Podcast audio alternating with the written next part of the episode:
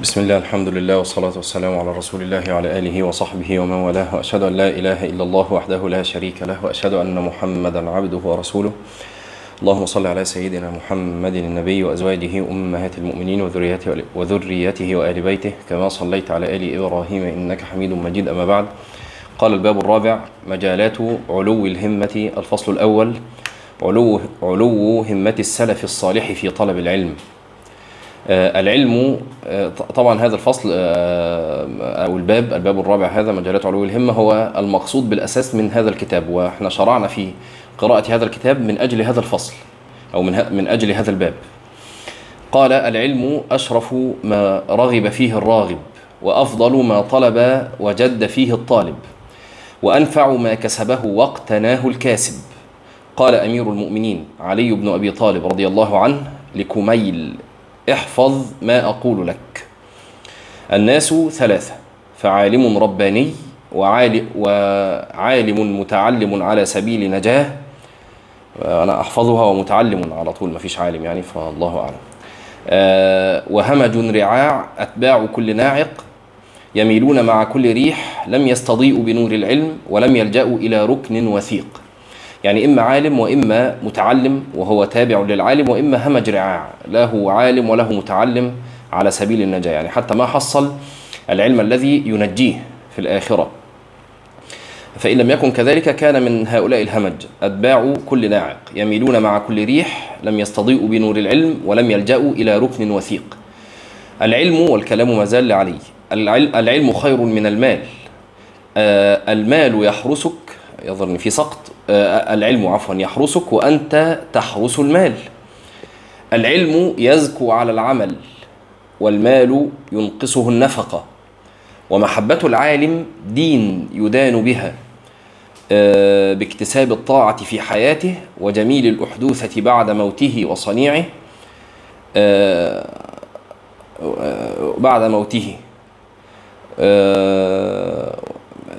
يظهر في سقط شديد في هذا النقل يعني. وصنيعة العلم تبقى وصنيعة المال تزول بزوال صاحبه.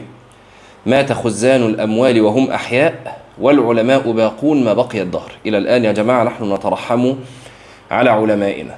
تقول رواه البخاري رحمه الله تقول هذه المسألة قال فيها أحمد رحمه الله كذا وكذا يعني في الفقه. وإلى غير ذلك يعني من الأسماء. آه قال والعلماء باقون ما بقي الدهر أعيانهم مفقودة وأمثالهم في القلوب موجودة. آه الحديث عن فضل العلم وما يناله طالبه من مجد وكرامة حديث لا يكشف عن غامض آه ولا ولا يطرق السمع بجديد لأنه شيء معلوم ومقصودنا شيء غير هذا ألا وهو لفت الأنظار إلى القوة العملية وهي الوسيلة التي صعدت بعلمائنا فخدموا الدين ونشروا العلم. قال الإمام أبو الفرج ابن الجوزي رحمه الله تعالى انظروا يا جماعة يعني كم مرة نترحم ونترضى عن ابن الجوزي عن ابن القيم عن يعني سبحان الله وهذا من من جميل الأحدوثة بعد موتهم.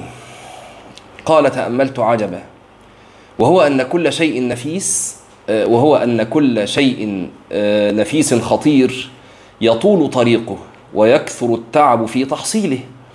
فإن العلم لما كان أشرف الأشياء لم يحصل إلا بالتعب والسهر والتكرار وهجر اللذات والراحة.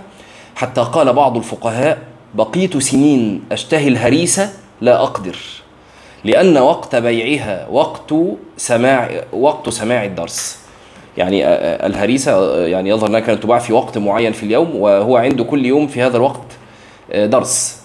فلم يعني يترك الدرس لشراء الهريسة. إحنا طبعا بنترك العلم ونترك العبادة ونترك العمل لأدنى دنيا تلوح لنا. ولذلك قال ابن القيم رحمه الله تعالى وأما سعادته فلا يورثك إياها إلا بذل الوسع وصدق الطلب وصحة النية. وقد أحسن القائل في ذلك فقل لمرجي معالي الأمور بغير اجتهاد رجوت المحالة وقال الآخر لولا المشقة ساد الناس كلهم الجود يفقر والإقدام قتال ومن طمحت همته إلى الأمور العالية فواجب عليه أن يشد على محبة آه، الطرق الدينية آه، وهي السعادة. وإن كانت في ابتدائها لا تنفك عن ضرب من المشقة والكره والتأذي. وهذه سنة الله عز وجل الذي ذكرها ابن الجوزي أو ابن القيم. هذه سنة الله عز وجل في الدنيا. أن الجنة آه، تحف بالمكاره وأن النار تحف بالشهوات. فهذه سنة الله عز وجل. آه، وأنها متى آه، أكرهت النفس عليها أو أكرهت النفس عليها وسقيت طائعة وسيقت عفوا. متى أكرهت النفس عليها؟ وسيقت طائعة وكارهة إليها؟ وصبرت على لأوائها وشدتها؟ أفضت منها إلى رياض مونقة أو مونقة؟ ومقاعد صدق ومقام كريم؟ آه، تجد كل لذة دونها؟ لعب الصبي بالعصفور بالنسبة إلى لذات الملوك.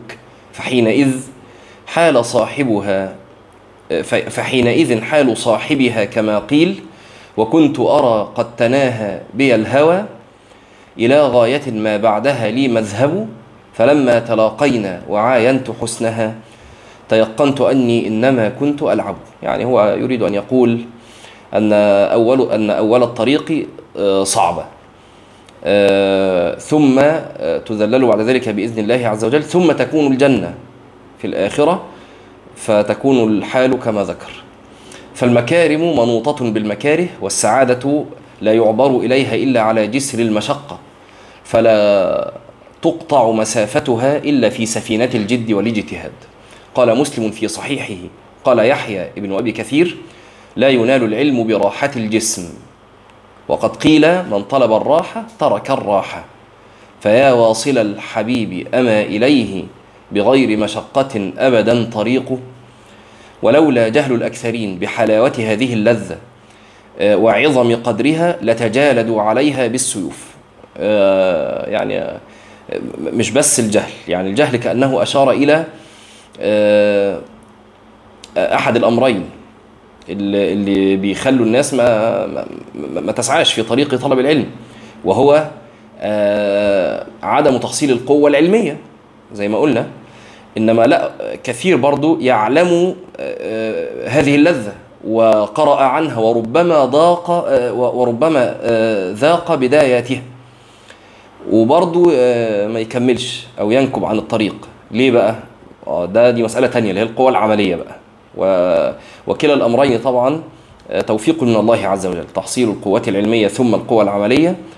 كلا الأمرين توفيق من الله عز وجل. آه، قال ولكن حفت بحجاب من المكاره وحجبوا عنها بحجاب من الجهل ليختص الله لها من يشاء من عباده والله ذو الفضل العظيم. قال الإمام الشافعي رحمه الله تعالى حق على طلبة العلم بلوغ غاية جهدهم في الاستكثار من علمه آه، والصبر على كل عارض دون طلبه. وإخلاص النية لله تعالى في إدراك علمه نصا واستنباطا والرغبة إلى الله تعالى في العون عليه. لا تحسب المجد تمرا أنت آكله لا تبلغ المجد حتى تلعق الصبر. وقد كان أهل العلم رحمه الله تعالى يلاقون المصاعب والشدائد في تحصيلهم في تحصيلهم للعلم.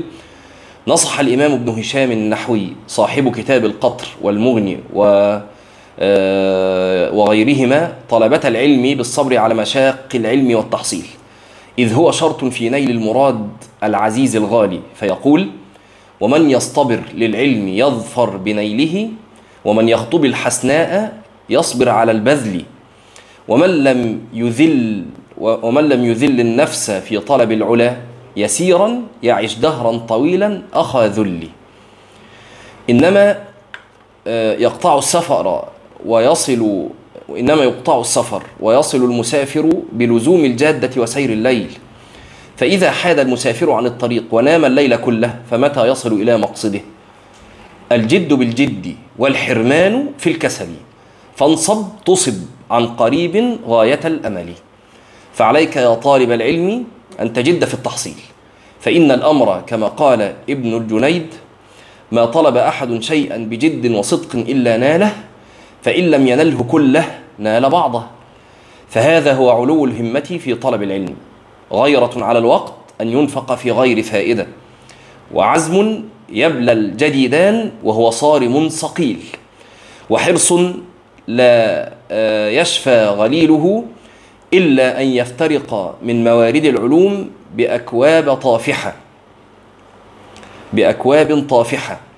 وغوص في البحث لا تحول بينه وبين نفائس العلوم وعورة المسا وبين نفائس العلوم وعورة المسالك و... و...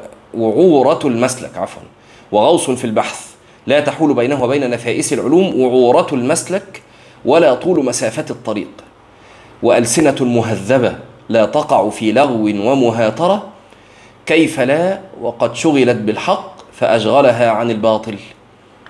تاني يا جماعة هذه القطعة. فهذا هو علو الهمة في طلب العلم غير على الوقت وعزم وحرص وغوص في البحث وألسنة مهذبة. آه وطبعا هذا يعني كل هذا يمكن إسقاطه على آه أحوالنا المتجددة. يعني إحنا في حال الآن جديدة. يعني لعلها لم تكن أصلا والكاتب يكتب والكاتب معاصر. الشيخ محمد إسماعيل المقدم رجل معاصر لكن حتى وهو بيكتب هذا الكتاب لم يكن آه ما هو موجود الآن من مواقع التواصل الاجتماعي فلو خدت كل واحدة من دول الغير على الوقت والعزم والحرص والغوص في البحث وألسنة مهذبة إما تجد إن إحنا في يعني هذه المواقع إما توقعنا في المحرم من هذه من هذه الأمور وإما أنها تمنعنا المشروع منها. يعني يعني خلاص استنفذت الوقت. حرمتنا العزم والحرص والغوص وكذلك حرمتنا الألسن المهذبة التي لا تقع في لغو ولا مهاترة. لقد كان حال لقد كان حال سلف الأمة في طلب العلم ونشره والتصنيف فيه حالا عجيبا. استثمروا فيه أوقاتهم وأفنوا شبابهم فحصلوا ما يدهش العقول ويبهر الألباب ويستنهض الهمم فهيا إلى مطالعة أحوالهم والاقتداء بهديهم والسير على سننهم وحدثني عنهم يا سعد فز...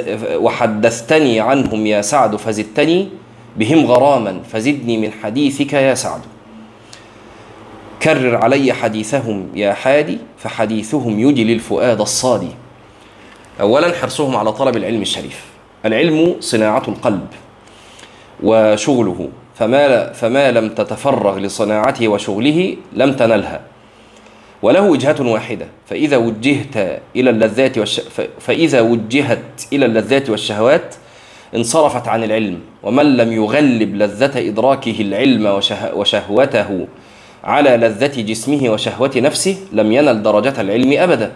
فإذا صارت شهوته في العلم ولذته في إدراكه رجي له أن يكون من جملة أهله ولذلك كان علماؤنا رحمهم الله تعالى يحرصون على العلم وجمعه حرصا ليس له نظير وهاك أمثلة من ذلك.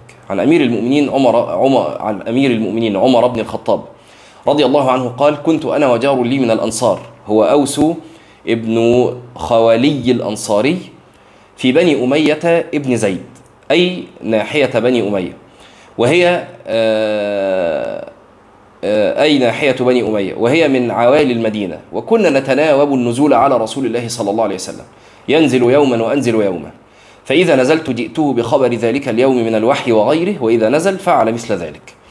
شو يا جماعة؟ يعني هم لابد له من معاش. آه خلاص يشتغل يوم وينزل يوم. آه آه يعني مفيش حاجة تمنعهم من طلب العلم. خلاص إحنا الآن الموضوع أسهل بكتير. أنت لو دخلت أي متصفح هتحمل قد كده. كتب ودروس صوتية ومرئية. وعن ابن عباس رضي الله عنهما قال لما قبض رسول الله صلى الله عليه وسلم قلت لرجل من الأنصار هلم؟ فلنسأل أصحاب رسول الله صلى الله عليه وسلم فإنهم اليوم كثير. ابن عباس كان غلاما. فقال وعجبا لك يا ابن عباس أترى الناس يفتقرون إليك وفي الناس من أصحاب رسول الله صلى الله عليه وسلم من فيهم؟ يعني أنت فاكر الناس هتجيلك في يوم من الأيام ويسيبوا أبو بكر وعمر وعثمان وعلي وهؤلاء. بتتعلم ليه يعني؟ ليه بتتعلم؟ ما هو الناس الصحابة موجودين. قال فتركت شوفوا يبقى هذا الرجل لو آه، اتبعه ابن عباس لما صار ابن عباس.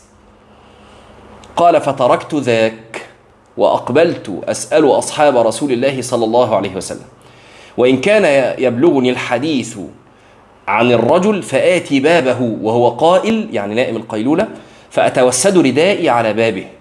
يسف يسفني الريح أو أو يسف الريح علي من التراب فيخرج فيراني فيقول يا ابن عم رسول الله صلى الله عليه وسلم ما جاء بك؟ هلا أرسلت إلي فآتيك؟ يعني ابن عم النبي عليه الصلاة والسلام. فأقول لا أنا أحق أن آتيك. فأسأله عن الحديث. فعاش هذا الرجل الأنصاري حتى رآني وقد اجتمع الناس حولي يسألونني فيقول هذا الفتى كان أعقل مني. يعني هو هو قال له إيه يا ابن عباس؟ يعني أنت فاكر الناس هتيجي هتحتاج لك؟ وفيهم من اصحاب رسول الله صلى الله عليه وسلم من فيهم. فعاشوا حتى رأى ابن عباس التف الناس حوله يسألونه. قال ولما فتحت البلاد آثر ابن عباس من أجل العلم ظمأ الهواجر في دروب المدينة ومسالكها على الظلال الوافرة في بساتين الشام وسواد العراق وشطآن النيل ودجل والفرات قال رضي الله عنه لما فتحت المدائن أقبل الناس على الدنيا وأقبلت على عمر رضي الله عنه يا جماعة الآن كله إيه؟ عاوز حتى أنا بكلم الآن طلاب العلم اللي قاعدين لغاية الساعة 5 الفجر علشان يحضروا درس أو يحضروا كلمة آه، ده مش واحد عادي يعني مش ده حد حريص حريص على العلم وحريص على إنه يصلي الفجر في وقته وحريص. آه، يعني حتى هذه الفئة حتى هذه الفئة منها وأنا وأنا أولهم يعني أنا مش أول هؤلاء اللي من لا إذا لاحت له أدنى دنيا يترك العلم ويترك مشارب العلم ويترك مجالس العلم وحلق العلم. تلاقيه آه، عايش في بلده عيشه كويسة وبيقبض مرتب يكفيه يعني عايش مستور. آه، فجأة سافر. سافر بقى السعودية سافر الإمارات سافر بره كندا. طب ليه؟ وهو كان. كان يطلب العلم. سنة في الثانية في الثالثه خلاص بقى بتاع دنيا لا علم ولا غيره. طب ليه يا عم عملت كده؟ يقول لك كنت عاوز أحوش قرشين. طب يا عم أنت عايش في بلدك و... يعني سبحان الله والشيطان يعدكم الفقر. مم. آه آه ابن عباس ما فعل ذلك. فتحت البلدان ما سافر. قال أقبل الناس على الدنيا. مش هنزوق بقى اهو أقبل الناس على الدنيا وأقبلت على عمر. لكل بني الدنيا مراد ومقصد وإن مرادي صحة وفراغ لأبلغ في علم الشريعة مبلغا يكون به له يكون به للجنان يكون به لي للجنان بلاغ. وفي مثل هذا فليتنافس أو فلينافس أولو النهى وحسبي من الدنيا الغرور من الدنيا الغرور بلاغ. فما الفوز إلا في نعيم مؤبد به العين رغد أو العيش بقى والله أعلم يعني. والشراب يساغ. واسمعه رضي الله عنه يخبر عن دأبه في طلب العلم. يقول يعني ابن عباس كنت آتي باب أبي بن كعب وهو نائم فأقيل على بابه ولو علم بمكاني لأحب أن يوقظ لي لمكاني من رسول الله صلى الله عليه وسلم لكني أكره أن أمله. وهذا من أدب الطالب مع المعلم إنه لا يمل معلمه بل ينتظر أوقات آه، آه، فراغه آه، ليسأله. قال رضي الله عنه كنت ألزم الأكابر من أصحاب من أصحاب رسول الله صلى الله عليه وسلم من المهاجرين والأنصار. فأسألهم عن مغازي رسول الله صلى الله عليه وسلم وما نزل من القرآن في ذلك. وكنت لا آتي أحدا إلا سر بإتياني لقربي من رسول الله صلى الله عليه وسلم. فجعلت أسأل أبي ابن كعب يوما وكان من الراسخين في العلم عما نزل بالقرآن في المدينة أو عما نزل من القرآن في المدينة. فقال نزل بها سبع وعشرون سورة وسائرها بمكة. قال الشافعي رحمه الله حفظت القرآن وأنا ابن سبع سنين وحفظت الموطأ يعني موطأ الإمام مالك وأنا ابن عشر سنين. شوفوا يا جماعة. و... وأنا برضو أو... يعني أنا في كل حاجة أنا أولكم في اي حاجة وحشة يعني أولكم حتى لو ما قلتش. يعني على أي شيء ربينا أولادنا آه خلاص انفرط العقد زي ما بيقولوا آه، وكبرت الأولاد وما لحقناش نعمل حاجة مع الأولاد. آه، الشافعي يحفظ القرآن كاملا وهو ابن سبع سنين رحمه الله. وحفظ الموطأ وهو وكان طبعا حفظ الشافعي كان آية. كان آية. ويقولون الشافعي كان إذا أراد أن يحفظ القرآن وضع يده على إحدى الصفحتين. لأنه كان بيبص في الصفحة يحفظ. فكان يخاف يبص للصفحتين مع بعض يختلط القرآن عليه. فكان يحط إيده على إيه؟ على إحدى الصفحتين. آه، وطبعا ذهب لمالك ومالك آه، شيخ الشافعي. الإمام مالك آه، أحد شيوخ الشافعي رحم الله الجميع. قال رحمه الله فلما ختمت القرآن دخلت المسجد فكنت أجالس العلماء وكنت أسمع الحديث أو المسألة فأحفظها ولم يكن عند أمي ما تعطيني أشتري به قراطيس والشافعي كان يتيما وأحمد كان يتيما كذلك. فانظروا إلى هؤلاء النساء. يعني الشافعي ربته أمه وأحمد ربته أمه. وكان فقيرا. يعني ربته امه ما عندهمش فلوس. ما كان عندها فلوس إنه يشتري قراطيس يشتري الورق اللي يكتب فيه. طيب ف, ف يعني أثنى هذا من عزمه على طلب العلم. إحنا عندنا كل حاجة يا جماعة. أنت عندك السمارت فون وعندك اللاب وعندك التاب وعندك ال ال ال الكتب وعندك كل حاجة. الشافعي ما كان عنده ورق يشتري فلوس يشتري ورق. فكنت إذا رأيت عظما يلوح آخذه. فأكتب فيه. فإذا امتلأ طرحته في جرة كانت لنا قديمة. عنده زي حاجة كده أفة ولا ياخد العظم يكتب عليه وبعدين ي... لما تتملي العظمة يرميها في هذه الجرة ويدور على غيرها.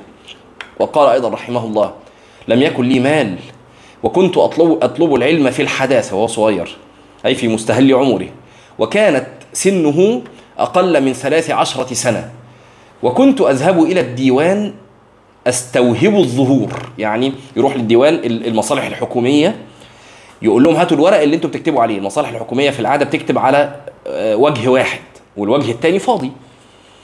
يعمل الشافعي؟ يروح المصالح المصالح الحكومية وقته في, في وقتهم أستوهب الظهور. الورق القديم اللي هو خلاص مش محتاجينه ادهوني. أي ظهور الأوراق المكتوب عليها فأكتب فيها. رحمه الله. قال ابن أبي حاتم سمعت المزني وهو صاحب وهو صاحب الشافعي وكان ملازما له يقول قيل للشافعي كيف شهوتك للعلم؟ قال أسمع بالحرف أي بالكلمة مما لم أسمعه فتود أعضائي أن لها اسماعا تتنعم به ما تنعمت به الأذنان. يا سلام. فقيل له كيف حرصك عليه؟ قال حرص الجموع المنوع في بلوغ لذته للمال. واحد بيجمع المال وما بيطلعوش. ده كيف حرصه آه على على جمع المال؟ أو أنا كده حرصي على جمع العلم. فقيل له فكيف طلبك له؟ قال طلب المرأة المضلة ولدها ليس لها غيره. وهذا محمد بن سلام شيخ البخاري كان في حال الطلب جالسا في مجلس الإملاء والشيخ يحدث ويملي. طبعا الشيخ المحدث قطر مش هيقف. مجلسه الحديث يا جماعة كان مجلس يسرد فيه الحديث. يعني يقول حدثنا فلان عن فلان فلان النبي صلى الله عليه وسلم قال كذا وكذا وحدثنا فلان عن فلان قال النبي صلى الله عليه وسلم كذا كذا وحد مجلس ما فيهوش هزار. يعني اللي يسرح دقيقه فاته علم. قال فانكسر قلمه قلم محمد بن سلام. فأمر أن ينادى قلم بدينار. خلي بالكم هنا ما فيش هزار. يعني ما فيش وقت للمساومة. دينار يا جماعة يعني 4 وربع جرام ذهب. 4 وربع جرام ذهب. شوفوا يعني دلوقتي كام. يعني انت كأني واحد بالظبط قاعد في المجلس انكسر القلم فقال قلم ب 5000 جنيه. ليه؟ عشان ما فيش وقت نفاصل. أقول قلم بجنيه وما ألاقيش فأقول ب 2 جنيه. لا. أنا العلم عنده هو أحرص على العلم من الفلوس. فقال قلم بدينار فتطايرت إليه الأقلام علشان يلحق يكتب ورا الشيخ. وقال الإمام أحمد بن حنبل رحمه الله أول من كتبت عنه الحديث أبو يوسف.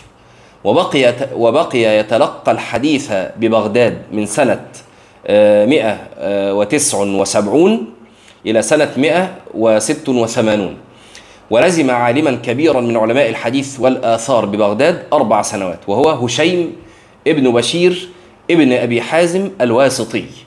وسمع عبد الرحمن ابن مهدي وأبا بكر بن عياش وكان في طلبه للعلم مثال الجد والحرص والنشاط. فقد حكى عن نفسه قال كنت ربما أردت البكور في الحديث. يعني عاوز أخرج بدري على الفجر أو قبل الفجر بشوية. فتأخذ أمي بثيابي حتى يؤذن الناس أو حتى يصبحوا. لا إله إلا الله. حتى يؤذن الناس يعني يعني هو عاوز يخرج قبل الفجر يطلبوا الحديث وهو صبي. أمه أمه اللي بتقعده. اقعد دلوقتي. صبي صغير. لغاية إمتى؟ حتى يؤذن الناس حتى يؤذن للفجر يعني.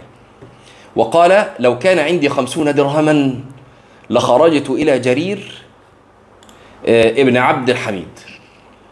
50 درهم دول يا جماعة ولا حاجة الدينار هو ال 44 جرام ذهب. الدرهم لا الدرهم كان أقل يعني. خلاص؟ حوالي 3 جرامات من الفضة. فهو ما عندوش فلوس. بيقول لو عندي 50 درهم بس. آه كنت عملت إيه؟ إحنا طبعا لو عندنا 50 درهم لو عندنا 50 ألف لو عندنا مليون هدفنا كله دنيا. لا أحمد حنبل يقول لو عندي 50 درهم لخرجت إلى عالم كبير إلى جرير. وقال سفيان الثوري رحمه الله تعالى لما اردت يا جماعة أحمد بن حنبل كان في طلبه للعلم في اول في أول أمره كان يكري نفسه للناس. كان بيشتغل بالأجرة عشان الناس تحمله من بلد لبلد عشان يسمع العلم. وقال سفيان الثوري رحمه الله تعالى لما أردت أن أطلب العلم قلت يا رب إنه لابد لي من معيشة. ورأيت العلم يدرس يختفي. فقلت أفرغ نفسي لطلبه وسألت ربي الكفاية. يا سلام. سفيان الثوري بيقول قعد كده بصدق في لحظات صدق مع الله. يا رب إنه لابد لي من معيشة. لكن هو شايف العلم بيختفي. فقال خلاص أنا أفرغ نفسي للعلم لطلب العلم وسألت ربي الكفاية. يعني ما سألش رب يبقى ربه بقى الإيه؟ ال- إنه يبقى يتنغنغ. لا الكفاية. وعزم على طلب العلم حتى كفلت له والدته الإنفاق عليه. يعني حتى سفيان اللي بينفق عليه والدته برضه. فقالت يا بني اطلب العلم وأنا أكفيك بمغزلي. كانت بتغزل. فأخذ يتلقى العلم عن شيوخ عن شيوخه المتعددين وعن كل من يحمل علما أو خبرا. وكان كثير الاهتمام في طلب العلم. ذكر أبو نعيم أنه كان إذا لقي شيخا سأله هل سمعت من العلم شيئا؟ فإن قال لا قال لا جزاك الله عن الإسلام خيرا. أنت عايش ليه؟ شيخ يعني راجل كبير في السن.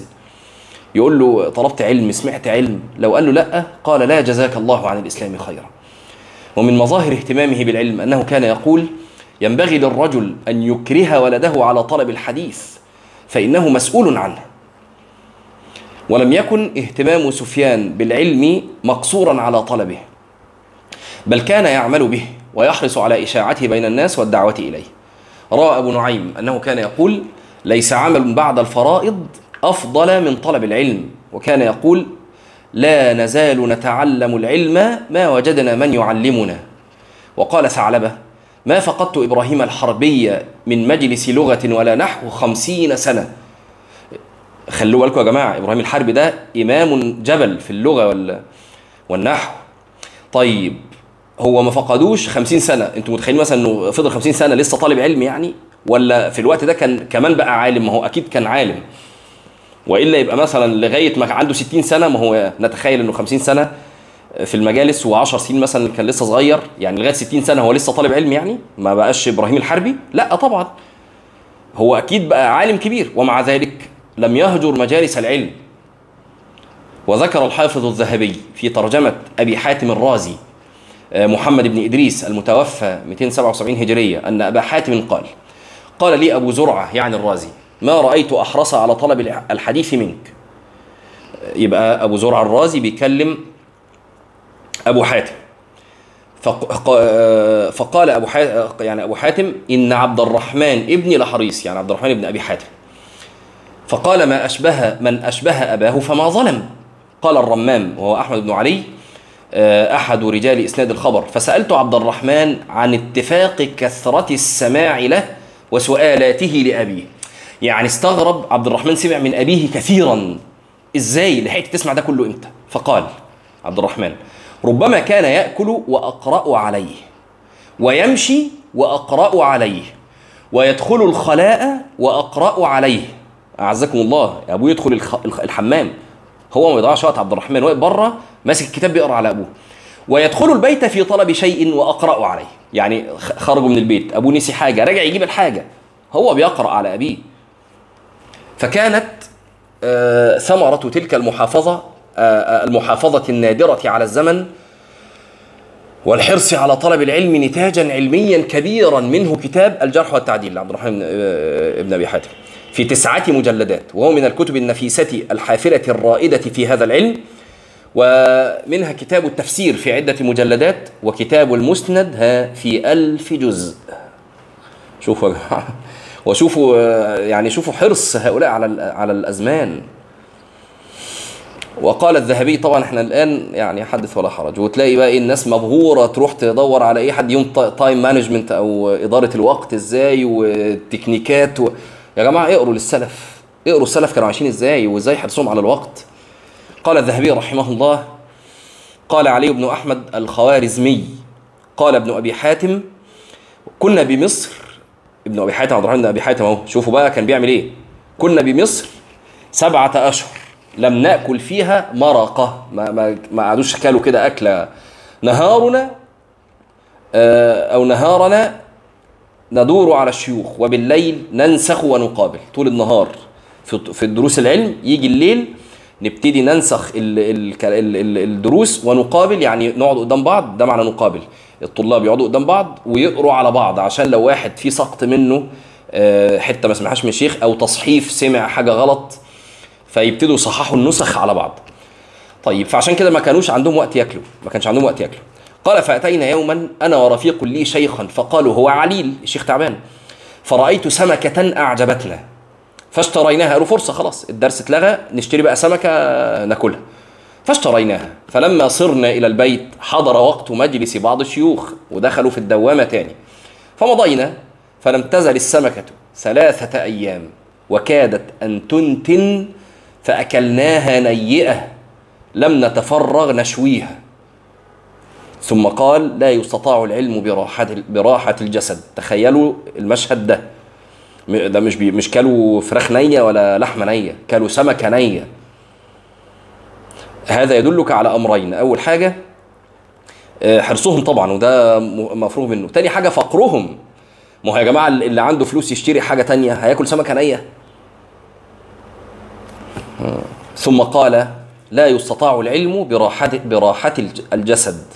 لولا ثلاث قد شغفت بحبها ما عبت في حوض المنية موردي. وهي الرواية للحديث وكتبه والفقه فيه وذاك حب المهتدي. وهذا هو الإمام سليم ابن أيوب الرازي أحد كبار أئمة المذهب الشافعي المتوفى 447 هجرية. يحاسب نفسه على الأنفاس مش على الساعة ولا اليوم على النفس. أن تضيع دون إفادة أو استفادة. فقد قال أبو الفرج غيث بن علي التنوخي الصوري قال وحدثت عنه يعني عن الإمام سليم بن أيوب الرازي أنه كان يحاسب نفسه على الأنفاس لا يدع وقتا يمضي عليه بغير فائدة إما ينسخ أو يدرس أو يقرأ وينسخ شيئا كثيرا. ولقد حدثني عنه شيخنا أبو الفرج الإسفرايني وهو أحد تلامذته أنه نزل يوما إلى داره ورجع بس راح البيت ورجع فقال قد قرأت جزءا في طريقي قال وحدثني المؤمل ابن ابن الحسن أنه رأى سليما خفي عليه القلم. القلم عاوز يتبري يعني. فإلى أن قطه وهو بيبريه جعل يحرك شفتيه. فعلم أنه يقرأ بإزاء إصلاحه القلم لئلا يمضي عليه زمان وهو فارغ.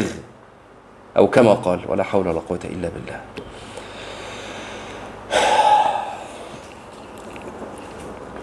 يعني نسأل الله عز وجل أن يجعلنا من الحريصين على أوقاتهم. لا يضيعونها بغير فائدة. آمين.